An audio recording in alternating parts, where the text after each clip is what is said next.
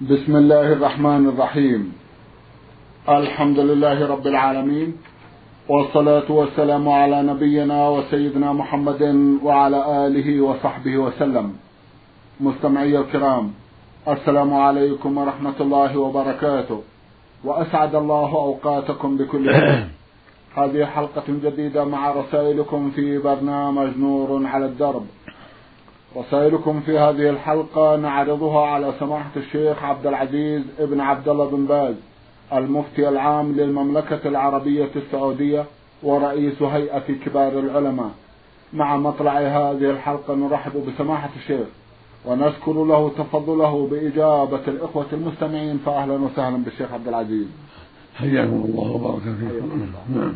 أولى رسائل هذه الحلقة رسالة وصلت إلى البرنامج من المستمع محمد إسماعيل محمود من جدة. أخونا محمد له جمع من الأسئلة من بينها سؤال يقول إذا دخلت المسجد والناس كلهم مشغولون بقراءة القرآن فهل أسلم أو لا؟ بسم الله الرحمن الرحيم. الحمد لله وصلى الله وسلم على رسول الله. وعلى آله وأصحابه ومن اهتدى بهداه. أما بعد فالمشروع لمن دخل المسجد والناس يصلون أو يقرؤون أن يسلم. فالمصلي يرد بالإشارة والقراء يردون بالكلام. قد كان النبي صلى الله عليه وسلم جالسا في أصحابه فرأى رجلا قد أساء صلاته فلما سلم جاء الرجل وسلم عليهم ورد عليه النبي صلى الله عليه وسلم وقال له ارجع فصلي فإنك لم تصلي وكانوا يسلمون على النبي صلى الله عليه وسلم وهو في الصلاة فيرد عليهم بالإشارة عليه الصلاة والسلام. نعم. جزاكم الله خيرا وأحسن إليكم. يسأل سؤالا آخر فيقول هل إذا قرأت الفاتحة مرتين في ركعة واحدة سهوا أو بدون سهو؟ هل ذلك يؤثر؟ لا يؤثر. الحمد لله. لكن لا يشرع لك تكرارها. إلا إذا كنت حصل عندك نسيان فكررتها وإلا فالأصل يكفي واحد مرة واحدة لا تكرر. إذا قرأتها مرة كفى. جزاكم الله نعم. يسأل هل يجوز لي زيارة البيت الحرام والصلاة فيه بدون إحرام مع أنني من سكان جدة؟ نعم لا حرج. أن تزور مكة وتطوف تصلي في المسجد الحرام من دون حاجة إلى عمرة. والحمد لله إذا كنت أديت العمرة سابقا عمرة الإسلام. فلك أن تزور متى شئت فتطوف أو تصلي مع المسلمين ثم ترجع نعم. جزاكم الله خيرا. أحد الإخوة المستمعين بعث يسأل ويقول من استيقظ قبل شروق الشمس ولم يتسحر فهل صيامه صحيح؟ يعني من استيقظ قبل شروق الشمس وهو ينوي الصيام فهل صيامه صحيح؟ نعم صومه صحيح ولو ولو ما تسحر الحمد لله نعم. هل عندها النية الأعمال بالنيات؟ الحمد لله. الحمد لله نعم. المستمع عبد الله أحمد بعث يسأل ويقول هل لمس المرأة ينقض الوضوء؟ لمس المرأة؟ في اختلاف بين العلماء. منهم من قال ينقض الوضوء ومنهم من قال لا ينقض الوضوء. ومنهم من فصل. فقال إن مسها بشهوة بتلذذ انتقض وضوءه وإلا فلا. والصواب أنه لا ينقض الوضوء مطلقا. مس المرأة لا ينقض الوضوء مطلقا. هذا هو الصواب. هذا هو الراجح. لأن الأصل عدم نقض الوضوء بذلك. ولأنه صلى الله عليه وسلم كان يقبل بعض نسائه ثم يصلي ولا يتوضأ. ولم يأمر الناس بالوضوء من مس المرأة. ولو كان مسها ينقض لأمر به الناس. الله بعثه معلما ومرشدا عليه الصلاة والسلام. ولم يتوفه الله إلا وقد بلغ البلاغ المبين عليه الصلاة والسلام. فلو كان مس المرأة ينقض بينه النبي عليه الصلاة والسلام. أما قول الله عز وجل في فيما يوجب الوضوء أو لامستم النساء فالمراد بذلك الجماع. قال تعالى وإن كنتم مرضى أو على سفر أو جاء أحد من الغائط أو لامستم النساء قوله سبحانه وجاء أحد من الغائط هذا فيه الوضوء الحدث الأصغر. قوله أو لامستم النساء هذا فيه الجنابة يعني إتيان النساء. والله يكني عن الجماع بالملامسة والمسيس وليس المراد مس اليد ولا مس القبلة المراد الجماع. هذا هو المعنى الصحيح. في تفسير الآية. نعم. جزاكم الله خيرا وأحسن إليكم. يقول هل يجب علي إذا تبت إلى الله وكنت قد اغتبت وكنت قد اغتبت أناسا كثيرين هل يجب علي أن أبلغهم وأستميحهم من ذلك أو لا يجب؟ التوبة كافية. التوبة كافية وتذكرهم بالخير الذي تعلمه منهم. تذكرهم بالخير الذي تعرفه منهم في المجالس التي ذكرته فيها بالسوء لكن إذا تيسر استباحتهم على وجه لا يكون في خطر ولا أذى فهو أحوط. إذا تيسر أن تقول لفلان قد تكلمت في عرضك فأبحني هذا طيب. أنت مأمور بالتخلص من الظلم في الدم والمال والعرض لكن الغالب أن أنك إذا قلت لأحد ذلك يغضب ويتغير وربما لم يسمح. فتوبة من ذلك وذكرهم بالخير الذي تعرفه عنهم في المجالس التي ذكرته فيها بالشر يكفي إن شاء الله. ولكن إذا تيسر أنك تستبيح تعرف حاله وأنك إذا استبحته يسمح ولا يكون في ذلك شر فلا فهذا حسن. إذا ظننت أنه يسمح لك إذا استبحته وأنه لا يترتب عليه شر فهذا من باب الحيطة. هذا حسن. نعم. جزاكم الله خيرا وأحسن إليكم. إذا لاحظت على زوجتي أنها تعادي والدتي بكل وضوح فهل يجب علي طلاقها؟ هذا فيه تفصيل. اذا امكن تعديلها ونصيحتها وتوجيهها إلى الخير حتى تستقيم مع الوالدة فعل كذلك. وهكذا الوالدة إذا أمكن أن تصلح بينها وبينها بالكلام الطيب والأسلوب الحسن هذا أطيب أما إذا كانت تؤذي الوالدة ويترتب على بقائها أذى للوالدة فالواجب فراقها لأن هذا من من عقوق الوالدة. المقصود إذا كانت المرأة تؤذي الوالدة فالواجب فراقها إلا أن تسمح الوالدة وتقول لا لا تفارقها وأنا أتصبر. وترى المصلحة في عدم فراقها فالأمر إليها. جزاكم الله خيرا وأحسن إليكم. هل القنوت بسبب النوازل يجوز في الظهر والعصر وهل يكون جهرا؟ نعم القنوت في النوازل يجوز في جميع الأوقات الخمسة. قد قانت النبي صلى الله عليه وسلم في الأوقات الخمسة في النوازل. والغالب أنه يقنط في الفجر والمغرب عليه الصلاة والسلام. فإذا قنت في الفجر كفى. أو في الفجر والمغرب كفى. وإن قنت في الجميع فلا بأس. والنوازل هي ما يصيب المسلمين من الحروب التي تضرهم. قد قالت النبي صلى الله عليه وسلم على أحياء من العرب تعدوا على المسلمين غنت عليهم شهرا يدعو عليهم ثم ترك. قال كان يغلط قبل الفتح يدعو على أشخاص من أهل مكة ويدعو للمستضعفين في مكة عليه الصلاة والسلام. فالقنوت في النوازل مشروع في جميع الأوقات ولكن إذا خص من ذلك المغرب والفجر فهذا هو الغالب من فعله عليه الصلاة والسلام. جزاكم الله خيرا وأحسن إليكم. هناك معنى لحديث شريف من صلى العشاء والقيام وراء الإمام حتى ينصرف. كتب له قيام ليلة. هل يعني ذلك في رمضان أو في غيره أيضا؟ جزاكم الله خيرا. إذا صلى خلف الإمام في رمضان لأن هذا ورد في رمضان كتب الله له قيام ليلته. إذا صلى معه حتى ينصرف. فإنه يكتب له قيام ليلته. وهذا فيه تحريض على الجماعة وترغيب في الجماعة في صلاة التراويح وصلاة القيام في العشر الأخيرة مع الإمام. أما في بقية الليالي فلا أعلم ما يدل على ذلك.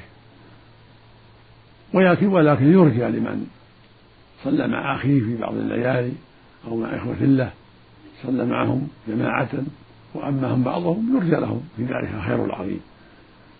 لأن هذا فيه تعاون فيه, فيه تعاون البر والتقوى.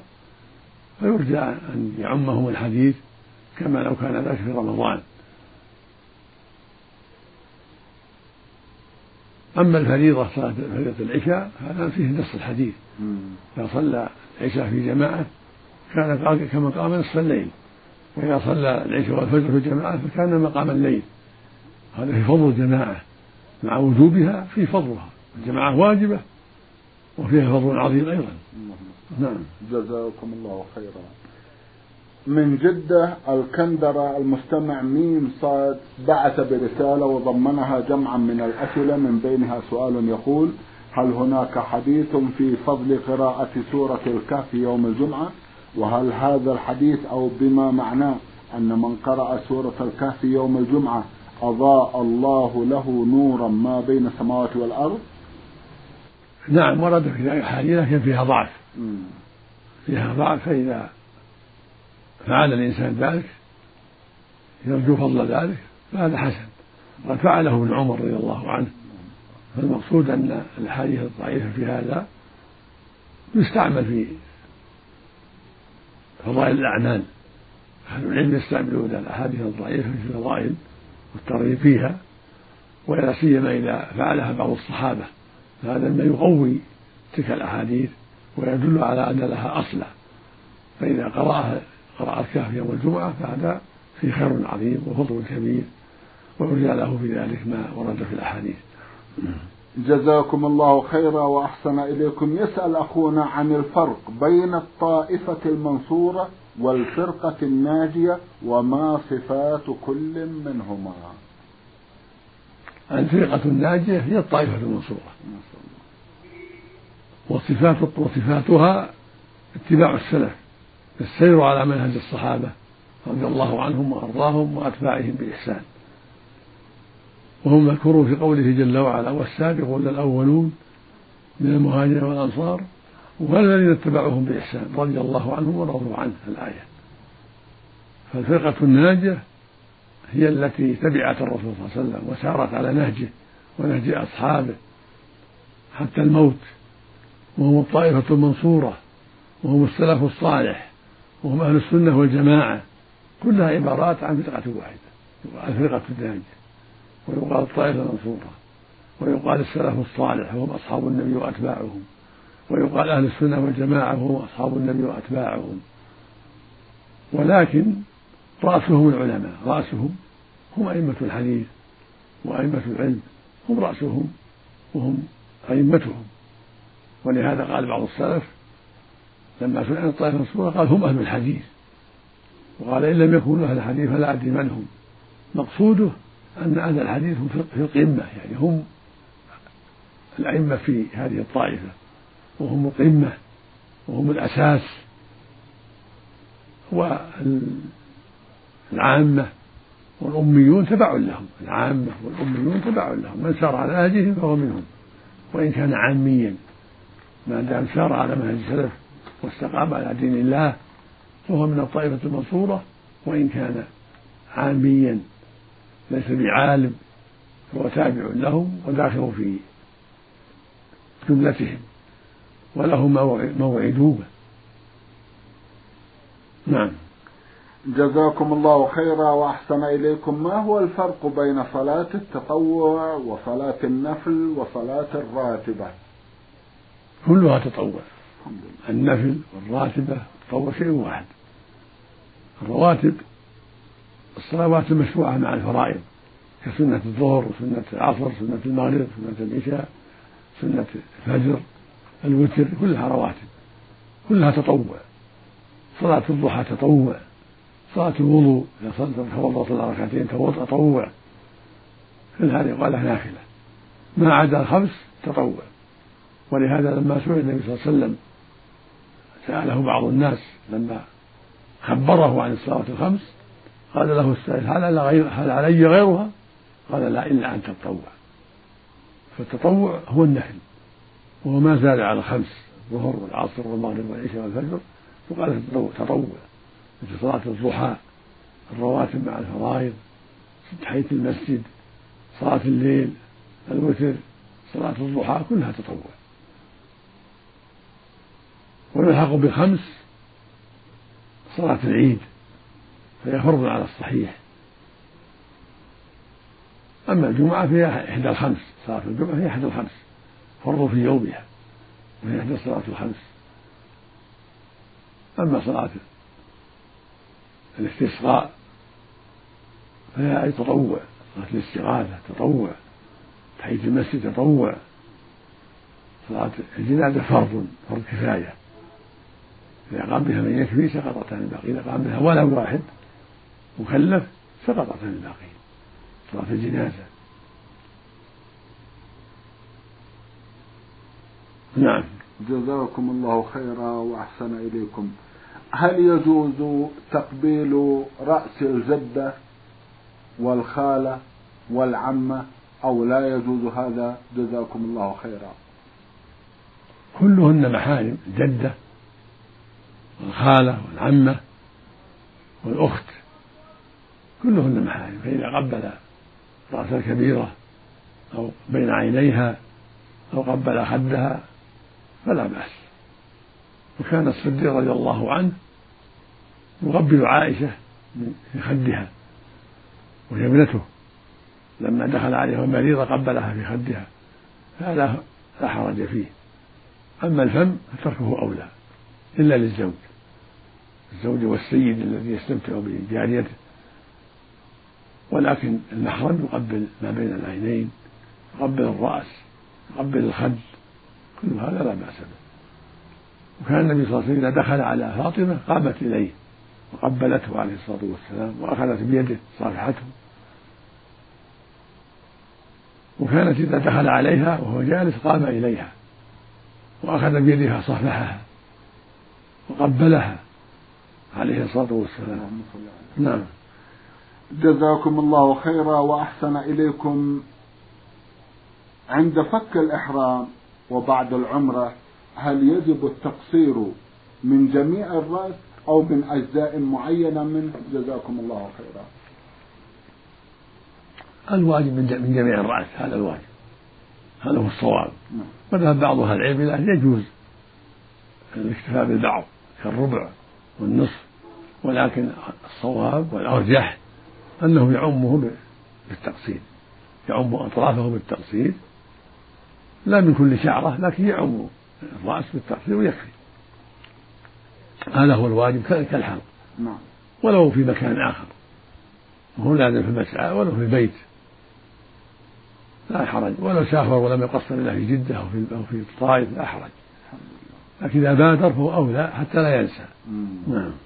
جزاكم الله خيرا وأحسن إليكم. يقول كثيرا ما يحدث في رمضان أن تدخل جماعة أخرى وتصلي العشاء جماعة ونحن في وقتها نصلي التراويح.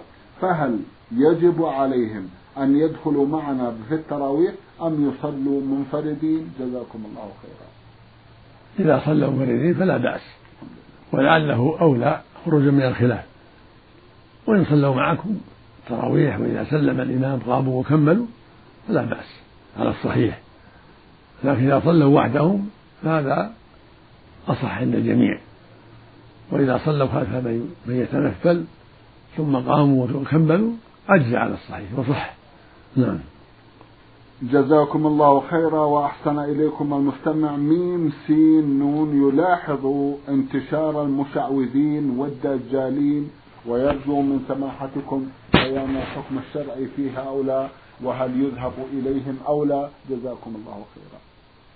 لا شك أن خطرهم عظيم والواجب على هيئات هيئات الأمر بالمعروف العناية بهذا الأمر.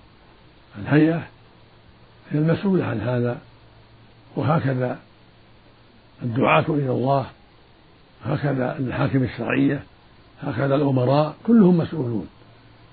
يجب على الهيئات وعلى الدعاة وعلى الحكام القضاة وعلى الأمراء أن يعلموا بهذا الأمر.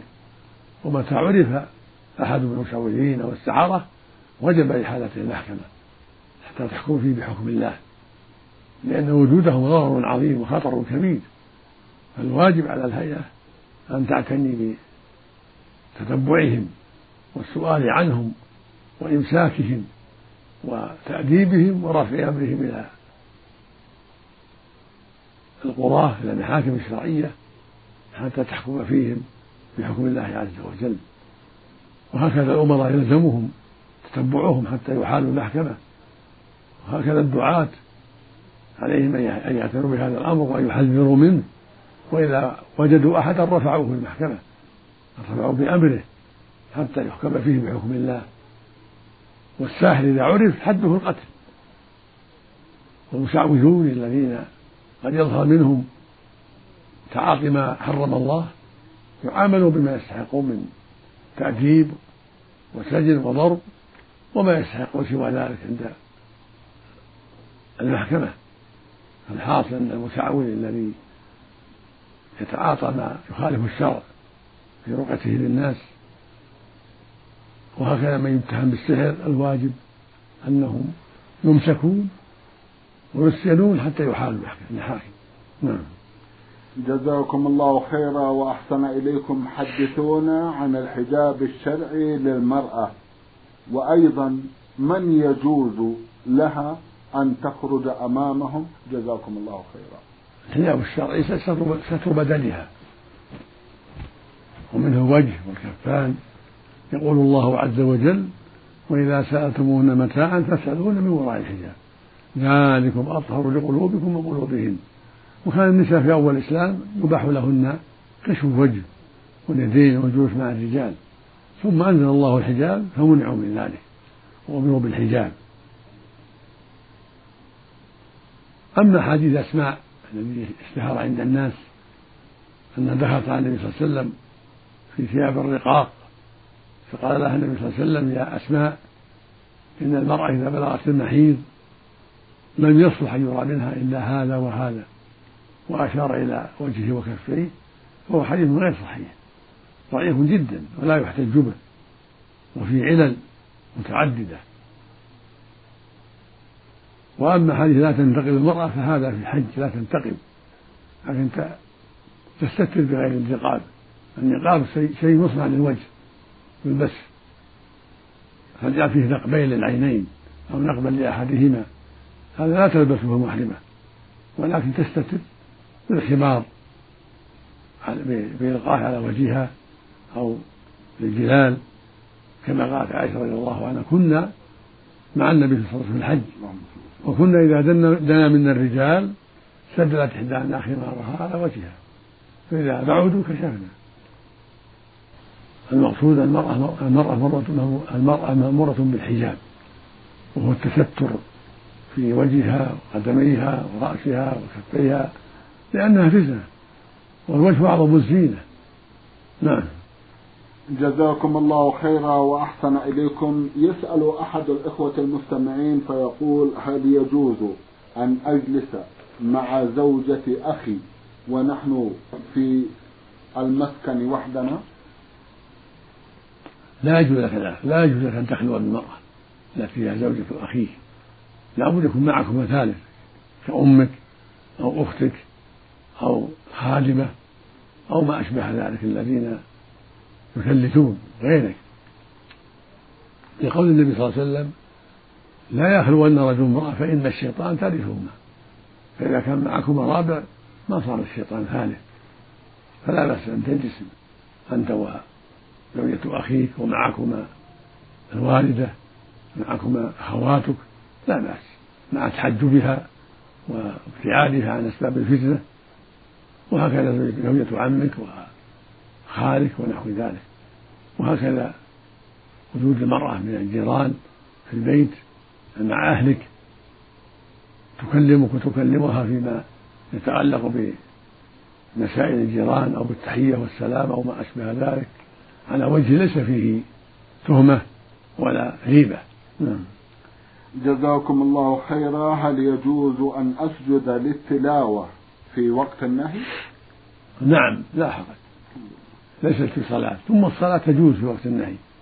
إذا كانت من ذوات الأسباب كصلاة تحية المسجد وصلاة الوضوء وصلاة الطواف إذا طاف الإنسان بعد العصر يصلي تحية المسجد في العصر. يصلي صلاة الطواف في العصر. لا, لا حرج في هذا. نعم. جزاكم الله خيرا وأحسن إليكم. هل يجوز للرجل أن يدرس البنات الصغار دون السابعة؟ لا حرج في ذلك لأنهن لسن من أهل العورة لكن جعلهن عند النساء أولى وأحوط لأن قد يوجد التساهل قد يوجد فيهن من تجاوز السبع أو وصل إلى التسع نعم. فالذي ينبغي سد هذا الباب وألا يتولى تدريس البنات إلا النساء وإن كن صغارا. حتى لا يتوسل بذلك إلى تدريس الكبيرات والفتنة. وهكذا الصغار من الرجال يتولى تدريسهم الرجال ولا يتساهل في ذلك مع النساء. لأن إذا فتح الباب تساهل الناس في هذا الأمر.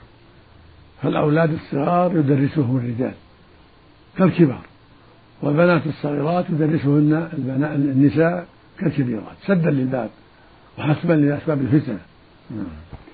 جزاكم الله خيرا وأحسن إليكم. بعد هذا ننتقل إلى الجمهورية العربية السورية عبر رسالة بعث بها مستمع يقول محمد حلمي. أخونا يقول إن زوجتي تعمل حلاقة للسيدات من قص للشعر وتجميل وصباغ وغير ذلك. وأنا بحاجة لهذا العمل وهي كذلك لأننا في حاجة إلى شيء من المال. فهل هذا العمل حلال أم حرام؟ لا نعلم فيه بأسا إذا كان المأخوذ جائزا إذا نشطتهن وكدت رؤوسهن وأخذت الشيء الزايد الذي ترى المرأة أخذه من أطراف عمايلها للتحسين لا حرج في ذلك. ولكن لا يجوز أن تأخذ شيئا من المرأة إلا بإذن الزوج إذا كان شيء له أهمية. فالمرأة ليس لها أن تأخذ من شعرها إلا وزوجها آذن إلا إذا كان الشيء الخفيف اليسير الذي دعت الحاجة إلى أخذه والغالب أن مثله لا لا يمنعه الزوج كالأطراف اليسيرة وما أشبه ذلك فلا حرج في ذلك. هكذا مشطهن تسميع المشط المعتاد الذي ليس فيه تشبه بالكافرات لم يزل. الناشطات يمشطن للنساء في عهد النبي عليه الصلاة والسلام. فالناشطه ان تعجل الرات وتحسنه لا حرج فيه لا حرج في ذلك. نعم. جزاكم الله خيرا وأحسن إليكم سماحة الشيخ في ختام هذا اللقاء. أتوجه لكم بالشكر الجزيل بعد شكر الله سبحانه وتعالى على تفضلكم بإجابة الإخوة المستمعين. وآمل أن يتجدد اللقاء وأنتم على خير. مستمعي الكرام كان لقاؤنا في هذه الحلقة مع سماحة الشيخ عبد العزيز ابن عبد الله بن باز المفتي العام للمملكة العربية السعودية ورئيس هيئة كبار العلماء. شكرا لسماحة الشيخ. وأنتم يا مستمعي الكرام شكرا لحسن متابعتكم. وإلى الملتقى. وسلام الله عليكم ورحمته وبركاته.